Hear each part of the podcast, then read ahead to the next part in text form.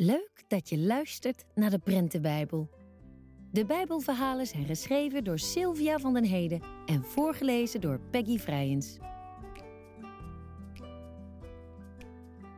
Dit is het verhaal over een vader en twee zonen.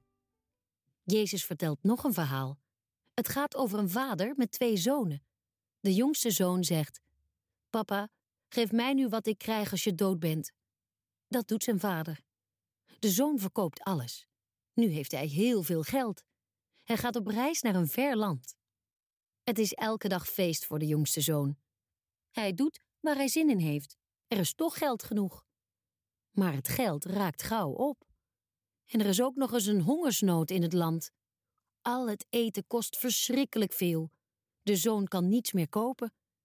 Hij moet een baan zien te vinden. Dan verdient hij weer een beetje geld. Bij een boer mag de zoon aan het werk. Hij moet op de varkens passen. De zoon heeft erg veel honger. Hij zou wel varkensvoer kunnen eten. De knechten van mijn vader hebben het beter, denkt hij. Ik zal naar huis gaan om ook zijn knecht te worden, want ik ben het niet meer waard zijn zoon te zijn. De vader ziet zijn zoon al van ver komen. Hij rent op hem af en sluit hem in de armen. Papa, ik heb verkeerd gedaan tegen God en tegen jou, zegt de zoon.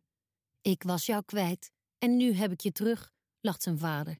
Hij geeft meteen een heel groot feest. Maar de oudste zoon wil niet meevieren.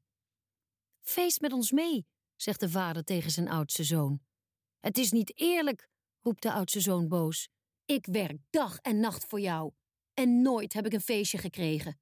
Maar de zoon die al jouw geld heeft opgemaakt, krijgt dat wel. Mijn jongen, zegt de vader, jij bent altijd bij mij. Alles wat van mij is, is ook van jou. Wees blij en vier feest met je broer, want hij was verloren en nu is hij teruggevonden. Hopelijk heb je genoten van dit verhaal uit de Prentenbijbel. Wil je meer verhalen uit de Bijbel ontdekken? Ga dan snel naar bijbelgenootschap.nl/slash prentenbijbel. Daar vind je alles over de Prentenbijbel, een dik prentenboek vol Bijbelverhalen. Vergeet niet om ook onze andere afleveringen te beluisteren en ons te volgen op Instagram voor meer Bijbelverhalen.